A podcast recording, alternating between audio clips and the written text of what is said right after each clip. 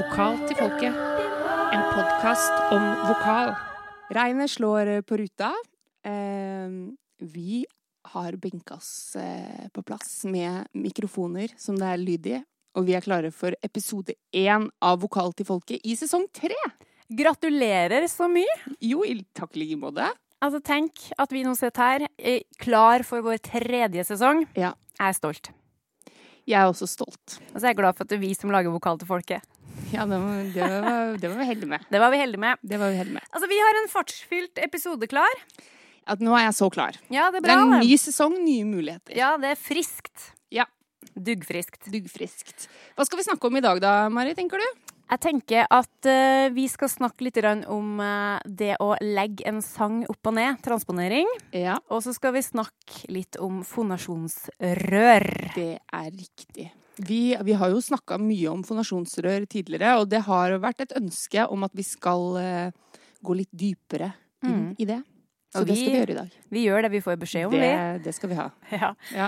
Men skal vi starte med transponering? ja, kan vi ikke gjøre det? Hva Har du noe, har du noe å komme med der? Absolutt. Ja. Altså, For dere som ikke vet hva transponering Oi, åh, var så tett i nesen. ja, ja. Ja, For dere som ikke vet hva transponering betyr, så betyr det å bytte toneart.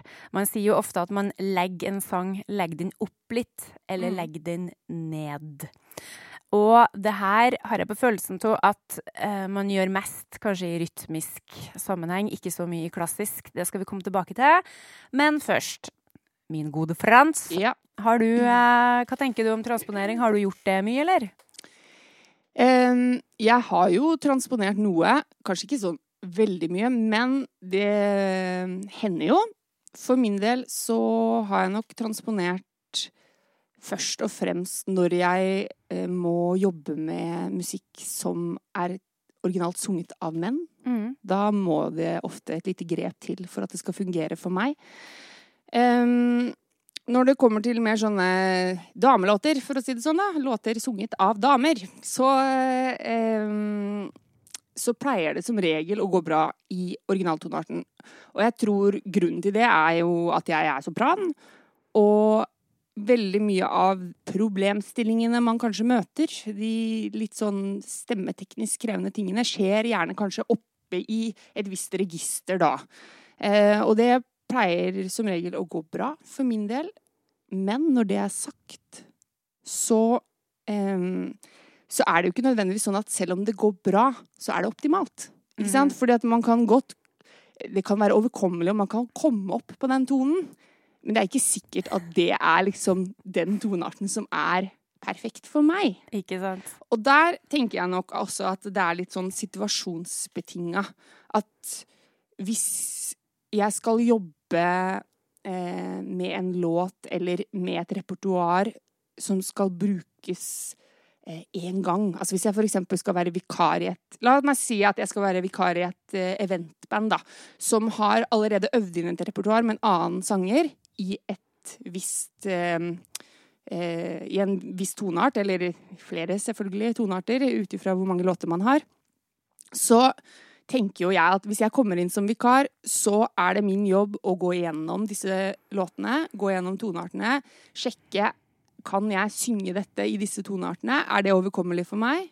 Eh, uten at det blir stress, uten at det blir vondt. Det skal du jo ikke gjøre. Det skal ikke gjøre vondt. Så eh, er det noen låter hvor det virkelig ikke går, så må man selvfølgelig gjøre om på det. Men hvis det er innafor bekvemmelighetsradiusen, så, så tenker jeg at da, da går jeg for det. Litt for å spare også bandene for unødvendig mye jobb. For den ene jobben jeg kommer inn.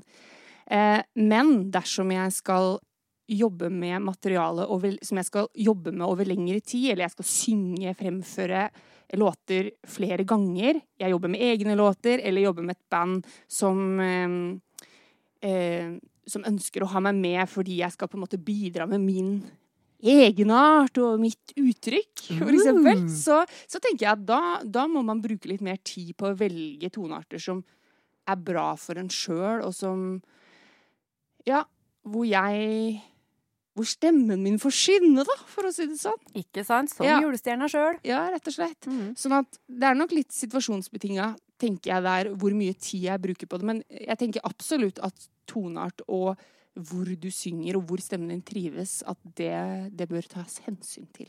Mm. Mhm. Jeg er enig. Veldig fine refleksjoner og Jo, tanker. tusen takk. Jeg skal prøve å gå igjennom litt av det som du har uh, snakka om nå, og Ja. prøve liksom å, å klargjøre det enda tydeligere for dem som ikke er så vant med det her. Ja. Og um, det er jo som du sier at av og til så kan det være fristende å legge ned en sang, eller legge den opp, Mm. sånn at det blir lettere å synge det. Ja. Mer behagelig, eller ikke minst at det blir tryggere Ja. å gjøre det. Og noen ganger så er det jo noe som lett lar seg gjøre. Det er ikke noe problem å, å vippe den opp en halvtone, og så er det helt greit.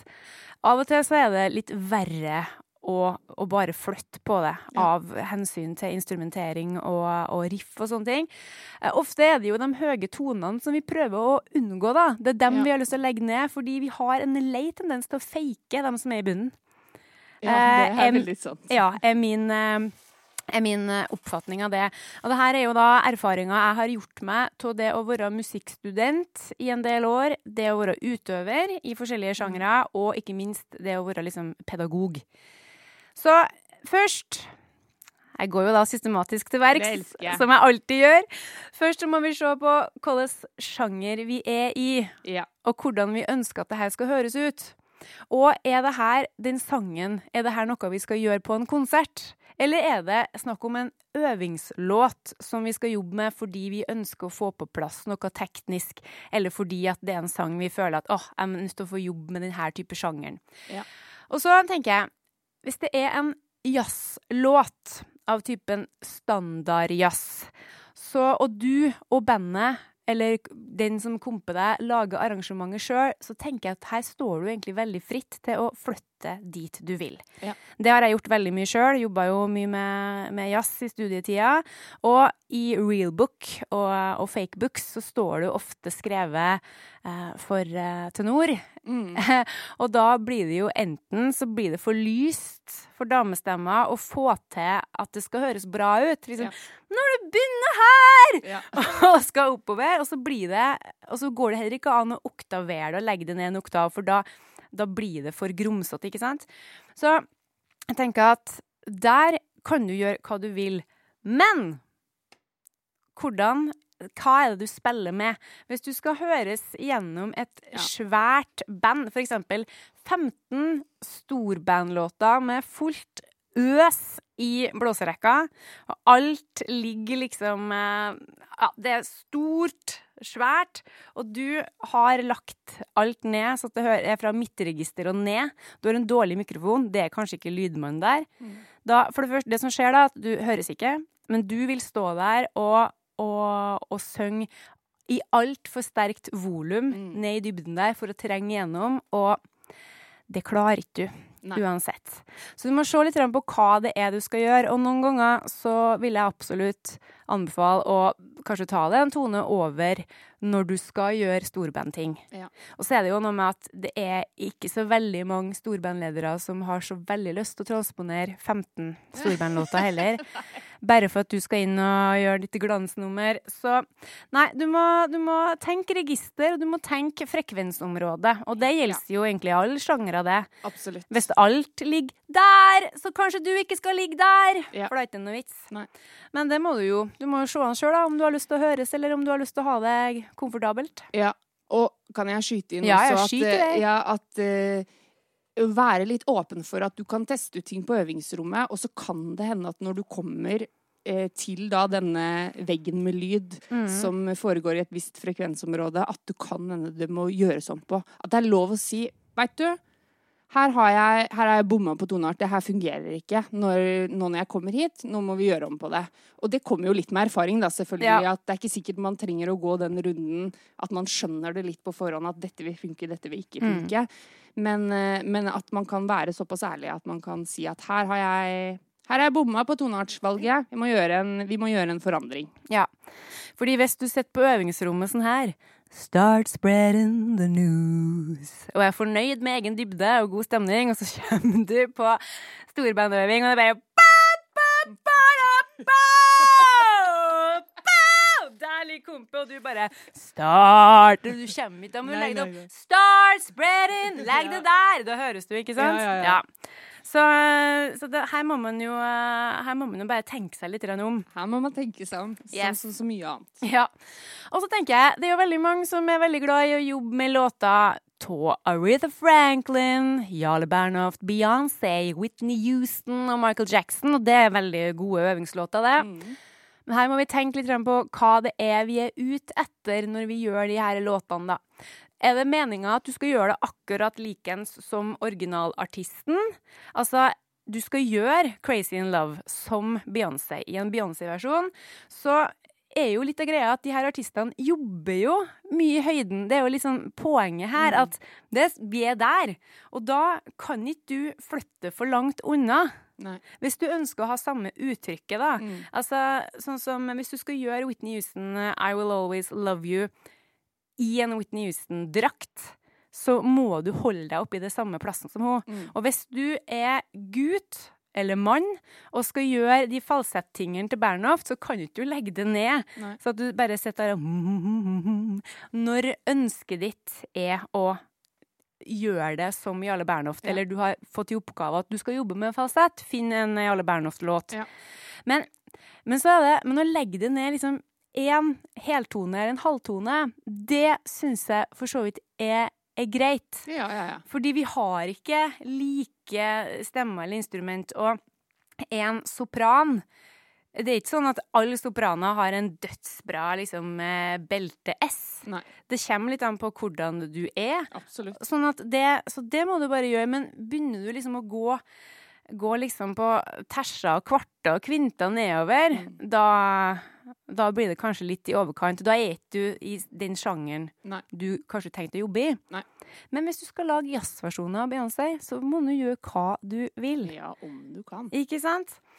Og så er det en eh, Altså gitarbasert rock Ja. og Skjønner ikke hva du prater om. og andre sjangere som er veldig riffbasert, der er det ikke like enkelt Nei. å flytte rundt på ting. For det vil Det kan fort høres litt sånn rart og pinglete eller rett og slett for tungt ut. Ja. Hvis du har utgangspunktet da, i, et, i, sånn, i et tungt, litt mørkt riff, som da du vil legge det ned, og det kan ikke flyttes lenger ned på Mm. gitaren, så må du eventuelt da oktavere det opp, Ja. og så flytte ned, og da, da, da mister du som oftest Ja. det, det, er liksom det, det uttrykket du vil ha. Og jeg ringte til en, eh, til en gitarist i går, Henrik Rindal, og spurte han om han kan forklare meg enda liksom mer inngående hva det egentlig er som skjer. Og det er noe med det at strengene på gitaren er sånn som de er Mm. uansett. Og du, du kan du kan stemme, stemme dem om, Mm. selvfølgelig. Du kan stemme ned. Men til ett punkt så kommer det sånn at tykkelsen på strengen vil jo uansett være den samme. Ja. Sånn at hvis, du skal, hvis alt skal bli mørkere, så Mm. må du ha tjukkere strenge. Og noen riff, for jeg spurte han om liksom, spesifikke artister og sånn type sånn riffbasert rock, da. Mm. Så sa han at uh, veldig mye av det her er jo da konsentrert rundt E og D, og der høres det bra ut. Det er en grunn til at det er der. ja, ja. Hvis du legger det ned til sånn C, da, så vil det høres ut Det vil høres mer metal ut. Ja. Og det er ikke sikkert det det du vil ha, hvis Nei. du skal gjøre liksom Uh, ja, Rage Against the Machine, da. From the top of my head. Så legger du for langt ned, så blir det Da blir det plutselig sånn metallaktig. Og legger du det opp sånn FG, så blir det plutselig sånn 80-talls eh, Ja. Metallica. Ja. Og det, det kan jo være fint, men ikke hvis du har lyst til å jobbe autentisk Nei, da, med Foo Fighters eller Rage Against the Machine eller sånne ting. Og jeg husker jo da vi studerte eh, i Kristiansand, så eh, var det jo sånn at når folk kom og skulle prøvesynge og prøvespille, så lagde jo vi studentene som eh, Eller lagde, vi ble tvingt Mm. til å være i sånn opptaksprøveband. Og Henrik fortalte at han spilte Johnny Mitchell-låta 'A Case of You' i Ja. sju tonearter. Og på det ene så var det så lyst at han burde egentlig hatt en mandolin.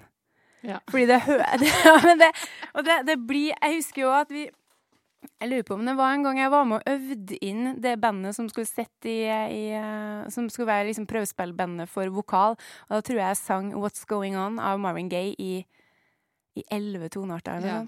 Ja, det er bare Ja, ja, ja. Det er litt vilt. Men samtidig så har jeg jo en, jeg har jo en veldig stort hjerte for den stakkars livredde vokalisten som skal på prøvespill. Men det er klart, det er jo Og det er veldig mange instrumentalister som ikke forstår hvorfor vi er nødt til å ha ting i i eh, Ja, i ass.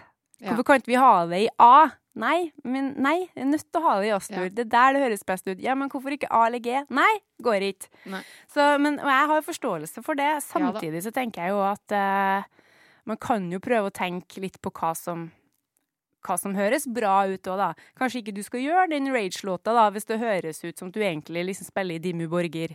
ja. Med mindre du vil det. Ja, ikke sant? Jeg skal ikke komme her og bestemme.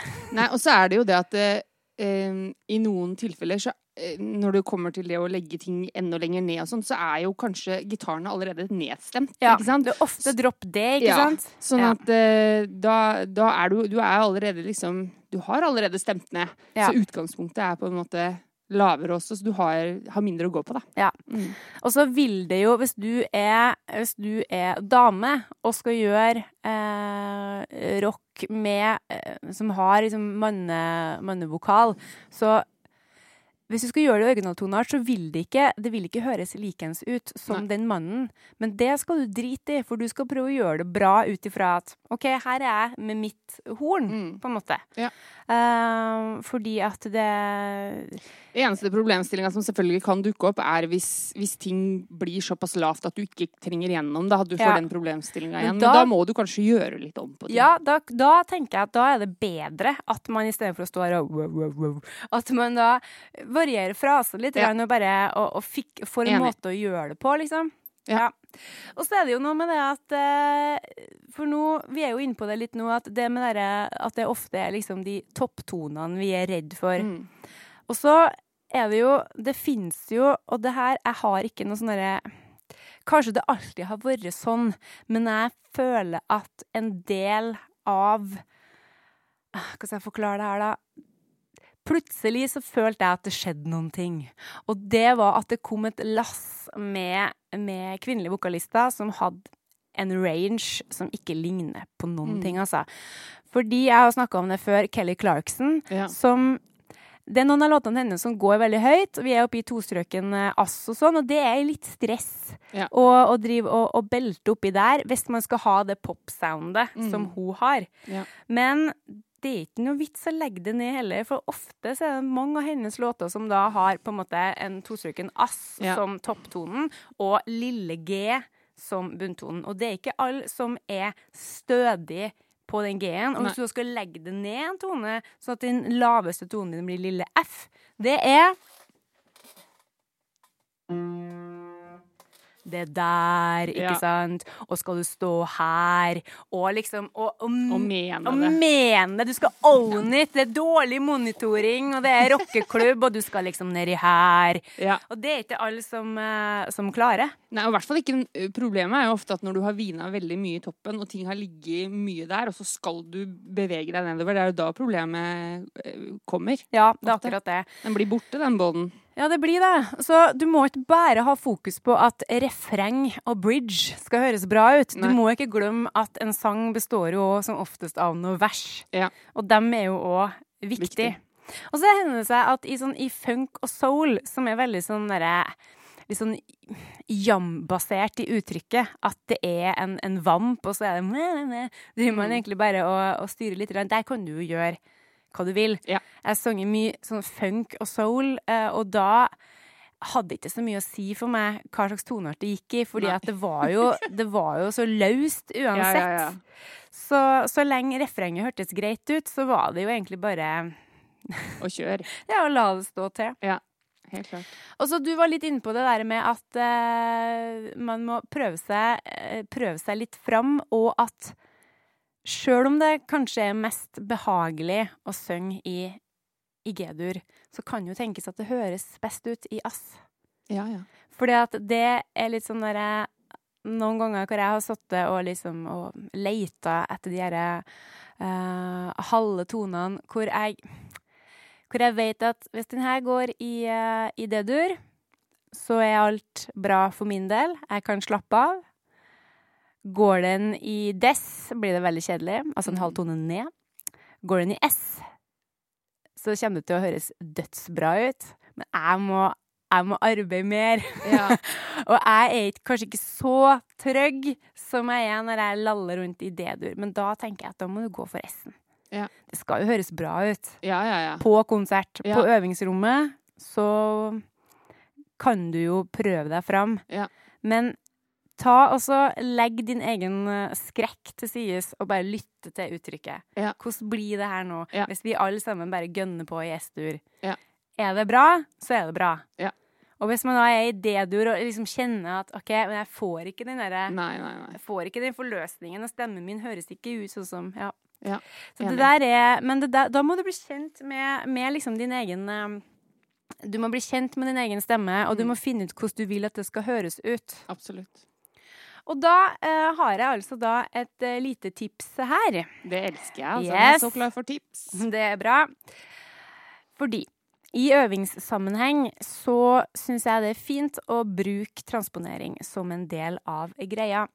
Du kan få veldig mye ut av å transponere den eh, låta di ned for en liten stund. La oss si du har en sang i S-dur Ja. med en del krevende parti, og det kjennes ut for deg at det er litt høyt. Og du ser det i speilet, at du strekker deg, og du bare Ja. Og det er jo ikke sikkert at det er det en gang heller, for det kan jo tenkes at hvis du har hørt deg blind på en artist som har en helt annen lyd, instrument eller erfaring enn deg, så kan du være redd for å synge før du har prøvd. Mm. Fordi at du bare Ja, ja, ja, ja. Og kanskje blir du lurt av klangfargen til vedkommende og tenker at å, det her går jo Ja. Godt poeng. Ikke sant. Men la oss si at OK, det er, det er ganske vanskelig for deg å synge den i S-dur.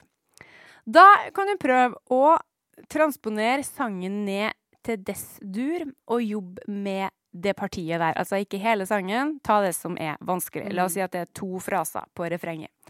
Så jobber du i dess-dur. Du jobber helt til du er fornøyd teknisk. Det skal høres bra ut, det skal kjennes greit ut sånn kroppslig, og formidlinga skal være sånn som du vil ha det. Du skal være veldig fornøyd i dess-dur. OK? Da legger du den opp en halvtone. Da har du havna i D-dur, fortsatt en halv tone ned fra der du egentlig vil ha den. Du jobber i D-dur. Du blir der en stund. Du skal gjøre akkurat det samme. Du skal bli fornøyd teknisk. Det skal høres bra ut, det skal kjennes greit ut, og du skal ha den formidlinga du vil ha. Når du er fornøyd i D-dur, så kan det tenkes at det er lurt å ta en tur ned til Dess for å sjekke var det egentlig bra. Ja. Og så kan du opp til det igjen. Kanskje det her eh, Altså, det her kan jo ta litt tid. Altså, det er ikke sikkert at det her skjer i løpet av ei økt. Nei. Kanskje jobber du i destur på mandag, toucher så vidt inn på D-duren.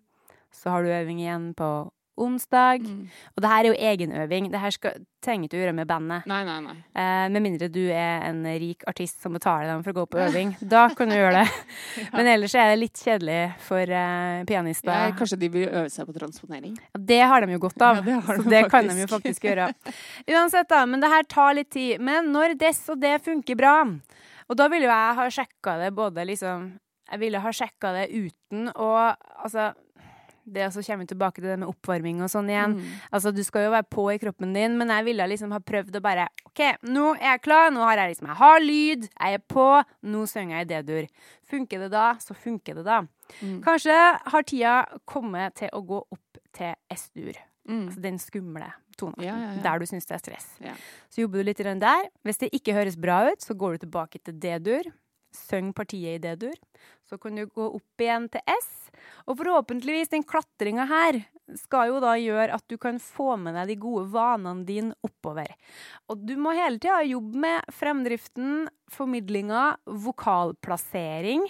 Og sørg for at du hele tida sjekker hvordan er knærne mine nå, hvordan er hoften min, hvordan er skuldrene, Mm. hvordan er nakken, hvordan er kjeven. Funker det, liksom? Ja. Og så vil jeg absolutt anbefale at når du da har kommet deg opp til den S-en der du vil være, så tenker jeg at jeg ville nok ha gått opp til E-dur òg. Ja. Jeg ville absolutt ha gjort det. De halve tonen ja, over der du skal være. Fordi jeg tror det er bra for eh, for eh, det mentale aspektet, at du vet at du klarer Ja. det som er over der òg. Jeg, jeg nekter å gå på scenen eh, og synge ting som på en måte ligger i ytterpunktet av det jeg klarer. Ja. Liksom, OK, den her tonen, det, den er den høyeste tonen jeg har på gode og dårlige dager. Mm. Da skal ikke jeg synge den Nei, nei, nei. foran folk. Det, det, det har ikke jeg nerver til. Det Det kan godt tenkes at man kommer eh, høyere enn det man tror er toppunktet òg, hvis man liksom blir Det kommer litt an på hvilken musikk man har gjort, da. Ja, Men ja, jeg har, har, altså jeg har sunget mye, som sagt, av funk og soul, og vært mye på jam og, og tatt helt av. Og, og utpå kvelden der, så, eh, Så blir dukker det opp toner du aldri har hørt før, si. da blir man jo Wonder Woman, liksom. Ja, ja, Så da, og plutselig så, så løsner det. Men, men det er klart at hvis du skal hvis du skal synge solo på, et, eh, på en, eh, en sang på en, en ordentlig konsert, og ikke Ja. en sånn derre jam på en bar, Mm. folk eh, skal høre på deg, så vil jeg, da vil jeg vite at OK, alle de tonene her er innafor, jeg har jobba godt, det her går bra. Ja. Helt enig. Så, men det her er jo noe som må jobbes med. Og, men prøv det hvis dere møter på et refreng eller én frase. Prøv å hente de gode vanene litt lenger ned, for det er jo ofte det som er problemet, at vi glemmer teknikken fordi vi skal pine Ja. oss opp, ikke sant? Og så og så he- har jeg også vært med på eh, tilfeller hvor enten, enten jeg sjøl eller elever At vi har jobba med en låt, og så, og så kanskje er det problematisk ikke fordi det nødvendigvis går så lyst, men at det ligger akkurat i registerknekken, ikke sant? Og at, og at det faktisk Hvis man går en halvtone opp, så løser det alt. Og da Mhm. blir veldig mange litt Spesielt hvis man jobber med litt yngre elever, så kan de bli veldig overraska over Å ja, men der låter det jo helt fint. Ja. Men det er jo bare akkurat fordi at det er akkurat liksom der hvor stemmen din Ja. har lyst til å knekke over Mm. i en annen type lyd, da. Ja. Eh, så det, det kan også ligge noe der. Ikke sant? Mm. Og så tenker jeg òg på det at hvis du vet at du skal gjøre en lang konsert, altså du skal Eller bare en konsert òg. Du skal synge og holde gående i ja, en time og et kvarter, kanskje. Og du vet at du Altså Du klarer alle sangene der de Altså originalt, da. Mm. Det går helt fint, men samtidig så ville jeg da Jeg ville nok uansett ha Hvis det var noen som krevde veldig mye av meg, så ville jeg nok ha lagt det ned bare en halv eller heltone. Mm.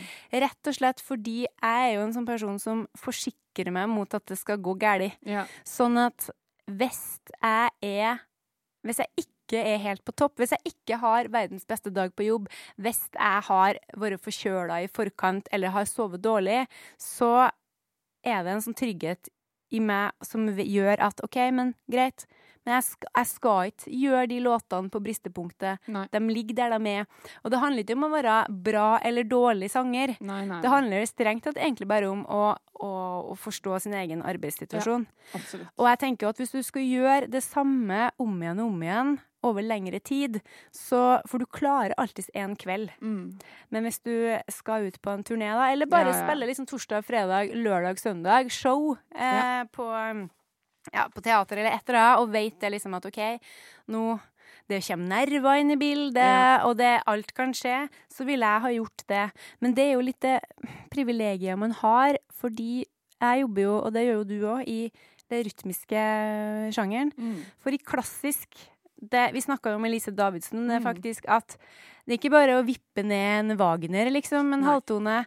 Der må du der må du forholde deg til hvordan det er. Iallfall i opera og sånn. Jeg skal Mm. ikke uttale meg om hvordan det er med med liksom, Eller jeg vil jo absolutt tro at sånn arier og sånt òg, at det er litt strengere der, men at det kanskje på litt mer lette, klassiske stykker at man kanskje at det går an. Jeg vet ikke. Det Nei, jeg vet vet ikke helt hvor skillet, skille går, men, eh, men det opereres jo i hvert fall med stemmefag, da, ikke Ja. sant, som de kaller det, med inndeling av, av, eh, av roller, og liksom man har noen rammer for hva slags repertoar man kan synge ut ifra hva slags stemmetype man har.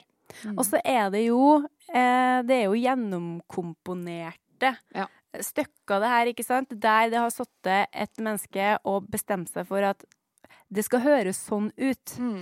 Orkesteret skal høres sånn ut. Sangen skal høres sånn ut. Det henger sammen. Ja. Og det, det gjør jo det òg i, i rytmisk. Men da er vi litt mer sånn over i altså, gitarbasert rock. Det er ganske strengt. Og Wagner er ganske strengt, Ja. Føler jeg. Ja. Det var fint. ja, det Ikke var sant? fin Ja, mens det da er Men skal du synge en vise, da? Hvis du skal synge eksempel eh, 'Norge i rødt, hvitt og blått', Mm. eller du skal synge 'Blåmann, blåmannbukken min', så da vil jeg si at du må nå bare flytte dit du vil. Ja, ja. Og jeg tenker at eh, Og det handler litt om sånn som med i korsammenheng òg. Mm. Det å finne den riktige plassen der all høres bra ut ja. i. Det Nei, det Altså, transponering er et redskap, men det må ikke bli Uh, Det må ikke bli latskap. At Nei, du ikke er orker. At du ikke gidder å jobbe. Ja. Fordi at de eh, Ganske mange av tonene er jo uh, innen rekkevidde. Hvis du bare jobber med det. Ja, ja. Og det gjelder i, i dybden òg. Fordi at du kan, du kan trene deg opp hvis du ønsker. Så kan du jo jobbe med å få bedre volum i dybden òg. Det er klart, det stopper i, i begge ender, avhengig av hva slags type stemme du har. Mm. Og det har vi snakka om før òg, at du, du kan gjerne være en, eh, en tenor som eh, jobber med litt mørkere ting, Mm. men ikke, i, altså ikke over lengre tid. Nei. Med mindre du da ønsker å virkelig liksom forandre deg, så kan du gjøre det til en viss grad, men det vil stoppe opp. Ja. En bariton kan òg gjøre noen tenorting, men over tid så vil vedkommende slite, ikke sant? Ja.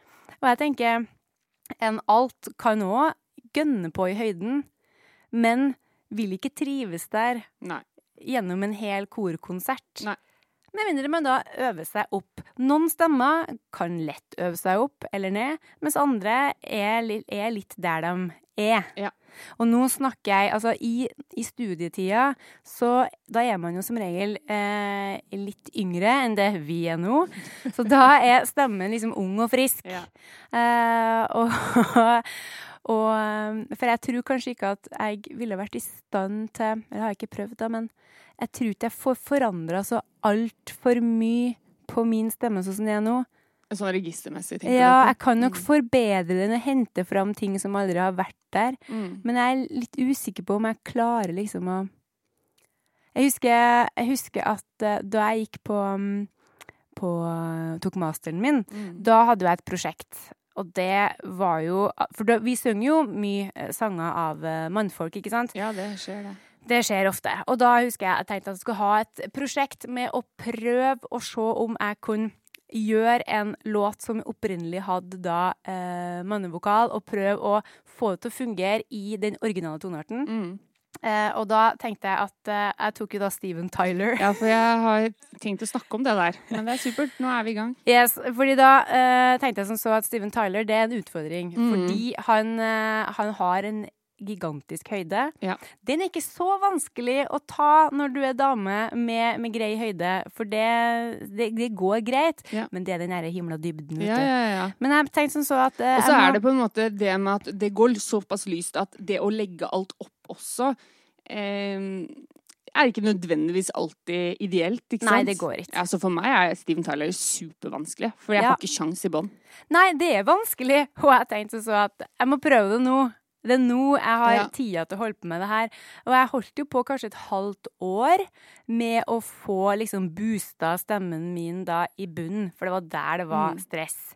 Det er klart, det er jo ikke noe det er jo ikke lett. Altså, jeg jobba med Var det Crying? For Ja, du var jo med. Ja, jeg kora.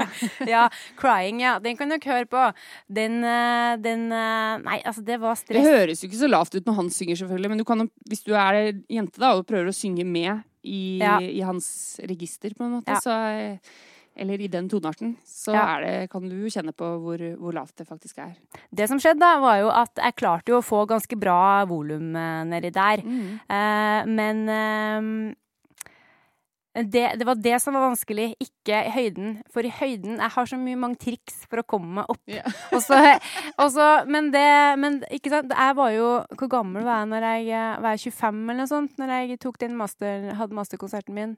Ja, noe sånt. 25. Ja. Ung og frisk stemme. Mm, frisk og Og ikke minst en student som øvde jevnlig. Så Mm. stemmen var jo i gang. Fleksibel. de var Mm. fleksibel og glad for en utfordring! Ja. Og det var, men det var interessant, altså, fordi jeg følte da at det gikk fint, at det var tungt. Jeg fikk jo da en flott dybde. Har ikke tatt vare på den på samme måten som jeg kanskje burde. Men så når er det egentlig jeg trenger Mm. å ha registeret til Steven Tyler? Nei, det For jeg må, jo, si. jeg må jo ha Met-register. Ja. Men det var interessant. En fin eh, utfordring å ha. For når du står der med en eh, mikrofon, og du har på en måte et svært band bak deg, to Mm. gitarister og orgel og trommer og perk og to korister, og så skal du stå der og liksom There was a time Jeg vet Mm. ikke om det var samme tonearten, men det skal liksom, du skal være tydelig, det Ja, skal være skal god teksting, det skal komme igjennom. Og det nytter ikke at Det er ikke snakk om at lydmannen skal skru opp, Nei. for det, det handler ikke så mye om, om volumet. Det handler om hvordan du angriper det. Det handler Ja. om sjangeren. Ja. For det var liksom ikke There was a time Det Nei. var ikke jazz. Det var rock!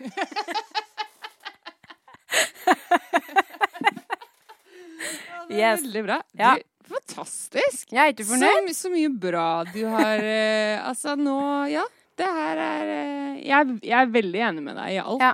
Så det er jo fint. Det er På den bra. måten kan på en måte vi konkludere herfra studio Yes. at uh, dette tenker vi om transponering. Det gjør vi. Det er, det er superinteressant. Jeg tenker jo også at det med transponering og det med å på en måte finne et sted hvor eh, Bli kjent med sin egen stemme. Hvor er det jeg trives? Hvor føler jeg meg bra? Det er noe vi skal snakke mer om. Vi må det. Fordi det handler jo også litt om identitet og eh, Ja. Hvor man trives hen. Hvem er jeg? Hvem er jeg som sanger? Nei, nå, nå må det ikke skli ut her. Nei. Men du, før Ja. det sklir helt ut, Ja. så vi har jo òg lovt at vi skal snakke om fonasjonsrør i dag. Ja. Og vi har jo da eh, snakka med ei som heter Henriette Brørby. Det har vi. Mm. Henriette hun er eh, logoped, og hun er en del av teamet for stemmevansker på Statped. Og hun har rett og slett vært så elskverdig å sende oss en video som ligger ute på Statped sine sider, der hun demonstrerer hvordan man bruker et fonasjonsrør. Og bare for å ta en liten repetisjon da, på hva et fonasjonsrør er. Vi har som nevnt snakket om det i podkastene her tidligere. Men dere har kanskje sett at det innimellom dukker opp sangere, skuespillere på TV, eller kanskje dere har sett dem eh, backstage på en forestilling, at de går med en flaske med vann, og så har de et litt tykt rør oppi den flaska, og så blåser de i røret. ja. Kanskje gjør noen, eh, noen øvelser også med stemmen mens de blåser i røret. Og det er da et fonasjonsrør. Eh, vi tenkte at det var mest hensiktsmessig å legge ut en link til den videoen der Henriette demonstrerer hvordan man bruker fonasjonsrøret, fremfor å forklare det detaljert her i podkasten. Så gå inn på hjemmesida vår eller på Facebook, så legger vi ut link der.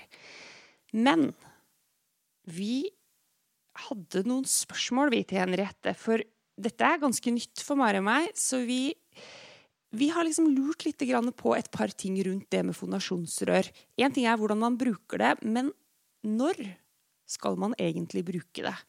Hvor ofte skal man bruke det? Er det noen spesielle anledninger der fonasjonsrøret bør brukes, eller der det ikke bør brukes? Vi sendte de spørsmålene vi hadde, til Henriette, og her skal dere få høre henne svare på dem. Hei, Mari. Jeg skal prøve å svare så godt jeg kan på spørsmålene dere hadde. Eh, kan eller bør røret brukes som en del av oppvarming, eller er det mest for avspenning? Eh, røret brukes nok aller mest eh, som en oppvarming ved at man får stemmen litt i gang før man skal kanskje prestere eller holde et foredrag eller synge eller hva det måtte være. Eh, men det kan også brukes etter man har brukt stemmen mye, og da blir det jo mer i hensikt som en avspenning eller som en ja, som en avspennende øvelse etter at stemmen har fått eh, kjørt seg litt, da. Bør man bruke det daglig, eller bør det spares til spesielle anledninger? Jeg syns ikke det behøver å spares til spesielle anledninger. Det kan fint brukes daglig og flere ganger om dagen. Eh, så hvis man føler at man har effekt av det, så er det bare å kjøre på. Bør det inngå i en daglig rutine? Ja, hvis man føler at det funker, så absolutt. Eh, det er jo litt avhengig av behov. Folk har jo ulike behov, så det er jo feil å si at alle må gjøre dette hver dag. Men de som trenger det, kan absolutt gjøre det hver dag.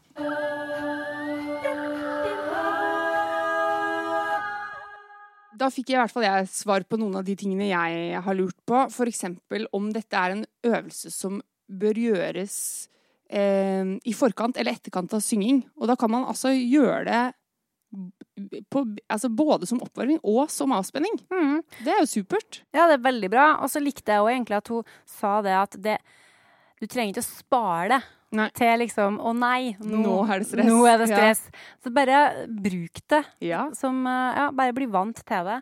Fordi det er det er jo noe med det at jeg har brukt det veldig lite. Ja. For jeg har ikke helt skjønt hva det er, og jeg har mm. ikke følt at det har hatt så mye effekt heller de gangene jeg har brukt det. Mm. Men det er klart at de gangene jeg har brukt det, så har jo jeg nesten ikke hatt stemme. Nei. Og det er jo kanskje litt for mye å håpe om at det å blåse i ei flaske skal liksom gjøre meg frisk. Ja. Men, eh, men eh, jeg kan liksom Jeg ser for meg når jeg kan, kan liksom få god effekt av det. For eksempel å innlemme det til en sånn daglig rutine, eller de dagene du har tenkt å øve. ja, ikke sant. Nei, Ja. men eh, Ja. Nei, det må man jo kjenne litt på sjøl også. For min del så har det Jeg tror bevisstheten rundt det med å på en måte ha en åpen og fri stemme er kanskje det aller viktigste for Mm. meg. At å, å blåse i det røret minner meg på det.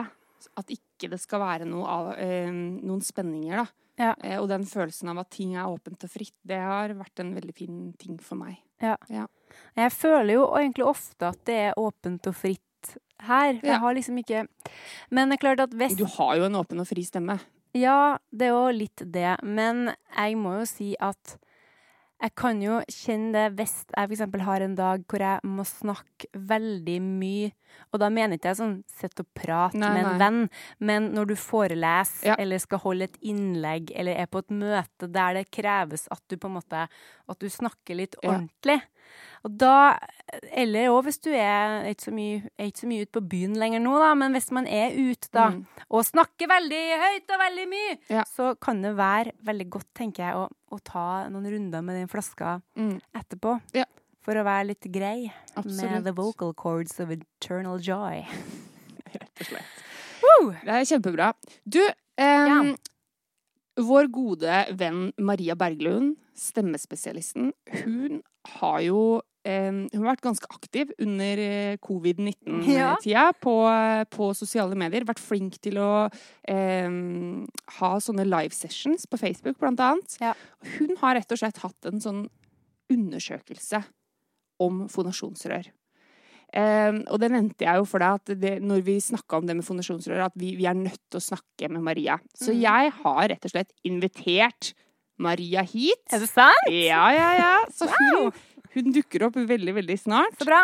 Så da, da er det bare å lene seg tilbake og vente. For jeg tenkte at jeg, jeg er veldig nysgjerrig på hva hun egentlig har eh, funnet ut Jeg òg. i denne undersøkelsen.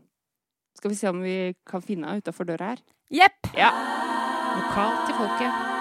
Når du trenger litt ekstra vokal i monitor. Så bra. Ja. Maria, hjertelig velkommen tilbake til Vokal til folket. Tusen takk. Så hyggelig at du ville komme innom. En liten svipptur har man alltid tid til. Ja, Det er det er, så stas. Jeg har jo nettopp fortalt nå litt grann om eh, din aktive eh, lockdown-periode, hvor du var så utrolig flink til å eh, holde oss liksom Holde oss i gang over sosiale medier. Du hadde så utrolig mye bra livestreamer og Ja, det Jeg hadde mye bra. behov for å holde meg sjøl i gang. Det Ja. var jeg kjente at det trengtes å gjøres noe aktivt, sånn at jeg kjente at jeg hadde en jobb. Fordi jeg var jo Ja. pålagt å stenge Ja, ikke sant? med massasjebenk og det hele. Ja. Så, så det var eh, Det tok et døgn omtrent før jeg skjønte at this is what I have to do. OK. Ja. Ja. Så kjøpte jeg all sminken på Mac. så, og så satte jeg i gang med, med videoer. Og det var fryktelig stressende før sending, men alle sendingene var veldig artige. ja. Jeg kosa meg skikkelig når det liksom sto på. Ja, du var kjempeflink. Altså, det er ikke bare bare å gå live på Facebook sånn, for å si det sånn. De har ikke ikke kommet dit ennå, Mari. Det får vi Nei, ta en runde det, på vi, må, eventuelt. vi må lære av mesteren. Vi må lære av mesteren. Ja, men vet du, Ja, altså, hvis dere hadde visst da hvor mange ganger jeg liksom scrolla gjennom kommentarene livredd for at nå kommer det Hva skal jeg, 40 år gammel overvektig kjerring? På- nei, nei, nei, nei, Men ingen har sagt noe sånt! Nei, men, Alle har vært søte. Nei, men folk, eh, altså, det jeg syns var så bra da, med de livesendingene dine, var at de var så proff. Det var ordentlig. Det var ikke sånn derre at du bare slenger opp mobilen og bare Ja, halla, sitter her og tenker på noen greier. Det var ordentlig. Jeg følte Ja. at det var et uh, interaktivt TV-show. Ikke sant? Og, og folk, folk setter jo så pris på det, for det satt jo ganske mange eh, sultefòra folk rundt omkring som ikke fikk lov til å gå på jobb, som ikke fikk lov til å synge på konsert, som sikkert satt og underviste på Zoom døgnet rundt. Og man, og man savner det her fellesskapet med kollegaer og skravle om sang og stemmebånd og fondasjonsrør. Sånn Mhm. at eh, Nei, jeg syns det var veldig, veldig bra, altså. Tusen takk. Jeg setter veldig pris på det. Og så har du jo da hatt rett og slett eh, en liten undersøkelse. Ja. Du har hatt et lite prosjekt når det kommer til det med fonasjonsrør, og det har vi prata om i dag. Så jeg sa til Mari vi er nødt til å snakke med Maria. Vi må høre, høre litt mer om det prosjektet. Kan du fortelle litt hva slags type undersøkelse dette var? Ja, det var jo eh, Vi kan ikke kalle det forskning. Det er veldig langt unna det, de kriteriene som skal være til stede for å kalle det forskning. Ja, ja. Men en erfaringsbasert undersøkelse der vi snakka med Jeg sendte ut eh, fondasjonsrør til de som ikke hadde, som hadde lyst til å være med. Og fire videoer der jeg liksom forklarte kjempenøye hvordan logopedene mener at det skal brukes. Og jeg hadde sjekka med fem forskjellige logopeder, og de var veldig enige, så da tenkte jeg ok, det fins en standard for hvordan dette verktøyet skal fungere. Det er så og så mye vann, det er så og så langt nedi, og det er så og så lang slange, fordi lengre slange eller videre slange gjør ikke noe forskjell på resultatet for stemmen. Nei. Um, og så leste jeg det jeg fant av forskningsrapporter som jeg klarte å forstå. jeg fikk litt hjelp av folk som er vant til å lese kjemi og, og fysikk, liksom, hva slags effekter det hadde, for det står mange regnestykker i de her mm. utregningene. da. Men poenget var jo at alle som var der ute, skulle få lov å gjøre seg opp sin egen mening. Jeg skulle do the science, forhåpentligvis, og så skulle andre få lov å kjenne på hva har det her å si for meg, og ikke være nødt til å svare for noe annet enn seg sjøl. Og det var veldig interessant. Jeg fikk mye tilbakemeldinger. Jeg fikk ganske mange tilbakemeldinger på den gravidsendinga også. Hva har det å si for stemmen å være gravid og føde og sånn. Men det var mer på fonasjonsrør. Uh, og det var i alle retninger. Det var virkelig spredning. Det var liksom kanskje tre eller fire som sa det her virka ikke, eller jeg er ikke motivert, eller jeg får mer spenninger og jeg klarer ikke å synge etterpå. Ja. Så det var, det var en liten porsjon som var der. Um, det skal jeg si noen, jeg har noen ideer om hvorfor de Ja. det.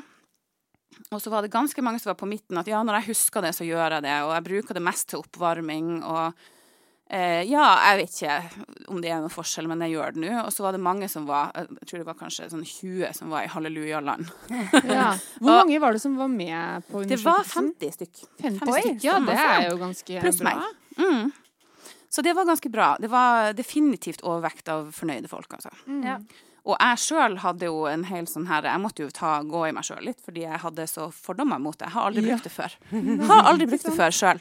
Men når jeg da begynte, så bare OK, så dette gjør det for meg. Ja. Og det var typ Mye enklere ansats, mye mindre trøkk inne i hornet når du skal Mm. liksom få stemmeleppen til å møtes. Eh, veldig mye mer konkret opplevelse av støtte. Eh, konkret liksom at eh, luftstrømmen blir helt, helt, helt jevn. Og du blir så avslørt hvis du har lyst til å sende mer luft for å nå de høye tonene. Ja. Som er en av de tingene som er veldig vanlig å gjøre, men som også kan føre til skade. da. Ikke alle opplever det, men noen få får skade av å ha for mye lufttrykk i toppen. Mm. Så det jeg eh, sang vel bedre i den perioden enn jeg har gjort på veldig lenge. Mm. Så gøy. Ja, for vi snakka litt om det i stad, Mari og jeg òg. For jeg òg husker godt at det var en del fordommer i, vårt miljø Ja, også det når det det. kom til dette, dette røret. Og jeg tror det handler litt om det at man ikke skjønner helt hva det er, og man Ikke ikke har testa det sjøl, og så blir man litt sånn nei.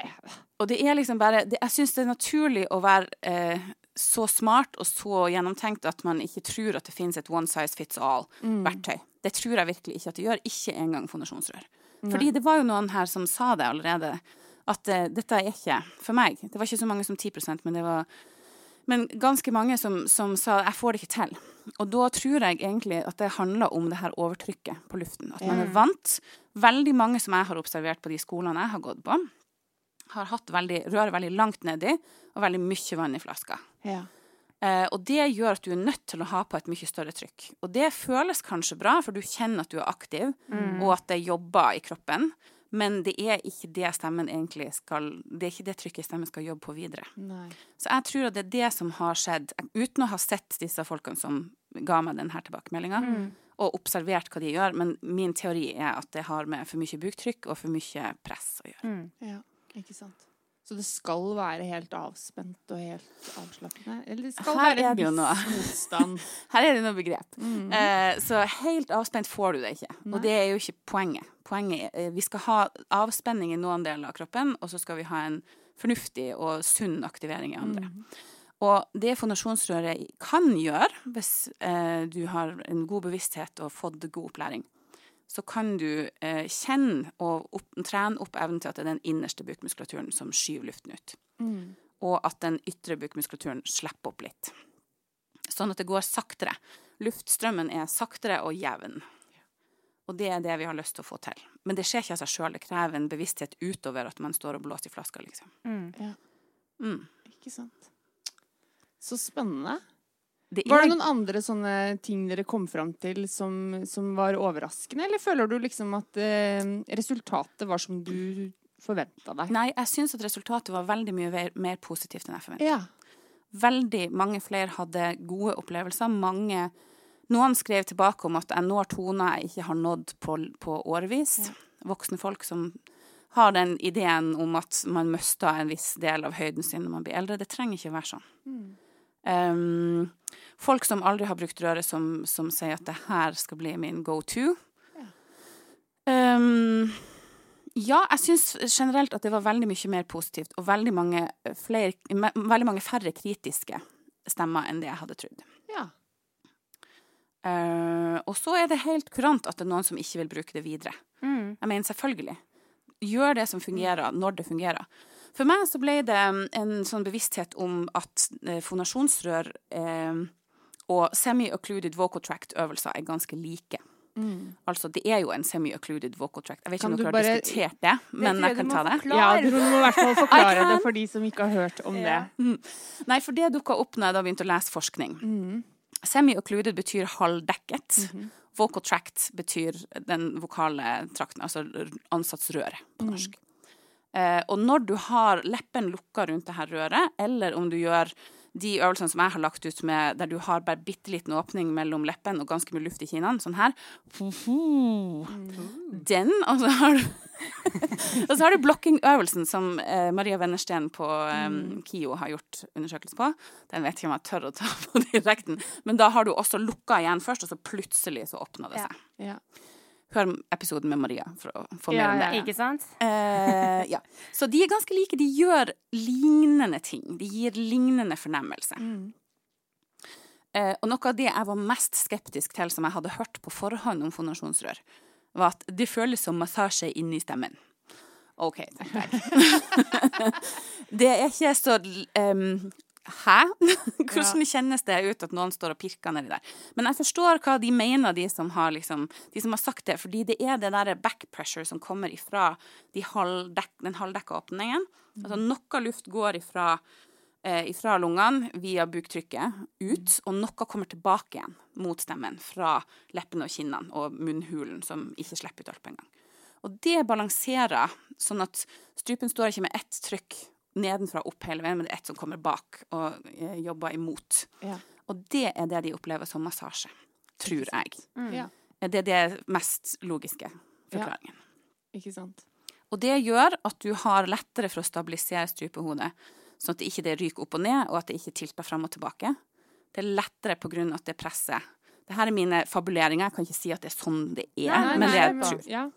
At det er lettere å holde strupehodet i ro, og la stemmebåndene få lov å do their thing inni der.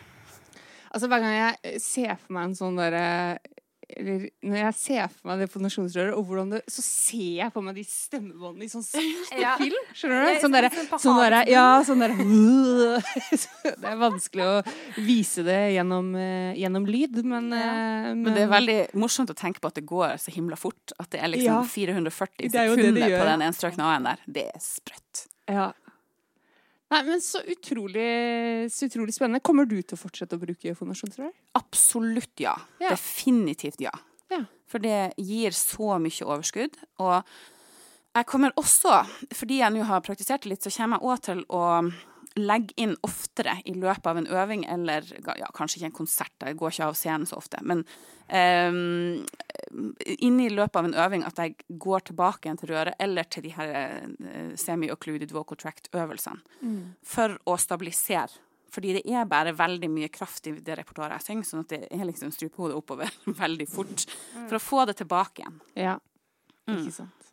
Og hvis det er noen som har lyst til å teste noe som de ikke har testa med fondasjonsrød, så kan de liksom holde to fingre på strupehodet, på liksom bruskene der, og så bare sjekk at det ikke ryker opp og ned når du eh, bruker fondasjon. For ofte når vi er nede, så har det lyst til å gå litt lenger ned. Og det kan skje med den blokkingøvelsen til Maria, tror jeg, at du Ja. kan få litt sånn lavt strupehode. Og bare registrere hva som skjer. Det er ingenting som nødvendigvis er feil eller, eller som må rettes opp, men finn ut hva det er det som foregår på deg sjøl. Det letteste er med å kjenne etter sjøl. Men det skal senkes litt. Det gjør nok det, vil jeg tro. Ja, jeg tror det Hun sa det Henriette på den Statped-videoen, at, at det, det senkes. Mm. Ja. Så det er sikkert en naturlig ting som skjer. Men det her er jo da litt sånn eh, For vi snakka om før du kom, det at jeg har brukt det røret så veldig sjeldent, og jeg har Mhm. bare brukt det når, eh, når det har vært helt Texas, sånn type ikke ha stemme, skal på konsert, liksom skal synge konsert i morgen, hjelp, nå må alt gjøres. Mhm. Og da, eh, og da er det klart at da, når du er kjempehes og nesten ikke har eh, lyd, så du kan jo heller ikke forvente at, at det å blåse i den flaska i to minutter skal gjøre at du er på en måte Mariah Carey etterpå. Så jeg har liksom, jeg har bare brukt det når altså, Som en sånn siste, siste stopp før avlysning, omtrent. Så, men jeg har nå lyst til å prøve å gjøre det uten at jeg er, ja, er helt ødelagt. Kanskje vi også skal ha en, eh, ha en eh, undersøkelse? Prøve det i noen Ja. uker? Se Ja, kan om vi merker det? noen forskjell? Jeg ville ha sagt, det er også fordi jeg har så mange logopedfantaster og, og gode hjelpere der, da, som, som gjør at jeg tenker at det er preventivt. Mer ja, enn det er liksom en quick fix. Ja. Jeg har ikke prøvd det som quick fix. Jeg kan tenke meg at det, at det kan fungere. Um, men det er liksom, har du fått hevelse på stemmebåndene, så er Ja. det at du har sunget så mye at det er blitt hevelse. Dere får korrigere meg der ute hvis dere vet noe annet, men da tror jeg at det er bare hvile igjen. Ja, det tror jeg jo. Absolutt. Ja. Nei, altså, jeg må Det her må jeg prøve. Fordi jeg skal Jeg føler at jeg kan ikke si noe Jeg kan egentlig ikke ha noe formening om det før Nei. jeg har gitt det en sjanse. Det Så klok var jo ikke jeg i min ungdom når jeg eh, fordømte det Ingen av oss var det, honey. Når jeg sa at jeg er rød, så er det fjas for folk som ikke gidder å øve. Det har jeg sikkert sagt. Nei, jeg tror ikke du har sagt Har jeg Nei, ikke? ikke akkurat det. Men jeg tenker tror det var litt sånn generelt sånn der, ja, alle disse her som går rundt med dette røret. Men det handla vel kanskje også om at, at man også så folk som gikk rundt med rør som man kanskje visste ikke nødvendigvis hadde vært hos en sangpedagog og tatt en time. Så man tenkte litt sånn Ja, men vet de egentlig hva de driver Ja. med? Jeg var sikkert sjalu. Ja da, det var selvfølgelig var man det. Man blir jo, med en gang man ikke vet hva ting er, så blir man jo stressa og, og fordømmer det. Ja, ja. Og så er det jo noen av oss som bare blir så håpefulle når det høres ut at det er noe som kan gjøre en stor forskjell, at man blir redd for å prøve det. Ja. Jeg opplever det stadig vekk, liksom. Jeg blir Ja. redd for å bli skuffa. Ja, ikke sant. Så jeg tror det holdt meg unna en stund. Ja. ja, det er et godt poeng. Nei, men eh, skal vi ikke bare begynne å bruke fonasjonsrør, da, dere? Da gjør vi det. Kan dere som lyt lytter også, kan jo gjerne sende oss eh, betraktninger rundt dette med fonasjonsrør. Og kanskje dere kan være med dere også på å teste fonasjonsrør i tida framover. Og da er den undersøkelsen din, ligger den litt sånn åpen, eller, eller er det et lukka forum? Uh, Du, altså. Eh, Det har jo vært sendt ut på mail, eh, og de svarene jeg har fått, var totalt anonymisert. Ja, det må de på en måte være. Jeg har jo vært så dum at jeg har sletta alle disse livestreamene mine. Jeg har dem på opptak. Men planen er at det skal komme et slags sånn her forum, eller en, gruppe, eller et medlemskap, eller hva som helst. Ja. Der vi går gjennom de tingene jeg tok opp mye mer i detalj. Kanskje en Ja, måned på hver, hvert tema, typ. Ja. Så det er på trappene. Det skal jeg bruke desember og januar på å få på plass. Så kult. Da holder, kan jo vi holde dere oppdatert på det, og om det blir noen muligheter til å få noe medlemskap i, Ja. i Stemmespesialistens Klubb. klubb. Ja, er det det det skal hete? det hete? høres ut som sånn tre hus og tre hytter. Ja, men det liker jeg. Ja, ja, det er jeg så klar for. Nei, men Så bra, Maria. Du, tusen takk for at uh, du tok turen helt hit for å fortelle oss om det spennende prosjektet ditt. Takk. Veldig var veldig stas. Og gøy. tusen takk igjen for alle de fine livestreamene som du har kommet med den siste tida. You're welcome. Vi snakkes, da. Ha det. Ha det. Ha det. Du har hørt Vokal til folkets podkast med Karina Fransen og Mari Klingen. Besøk oss på vokaltilfolket.no, finn oss på Facebook og Instagram, og gi oss gjerne ei stjerne i iTunes. Vi tar gladelig imot tilbakemeldinger, tips og innspill. Så ikke nøl med å sende oss en melding. Vi snakkes!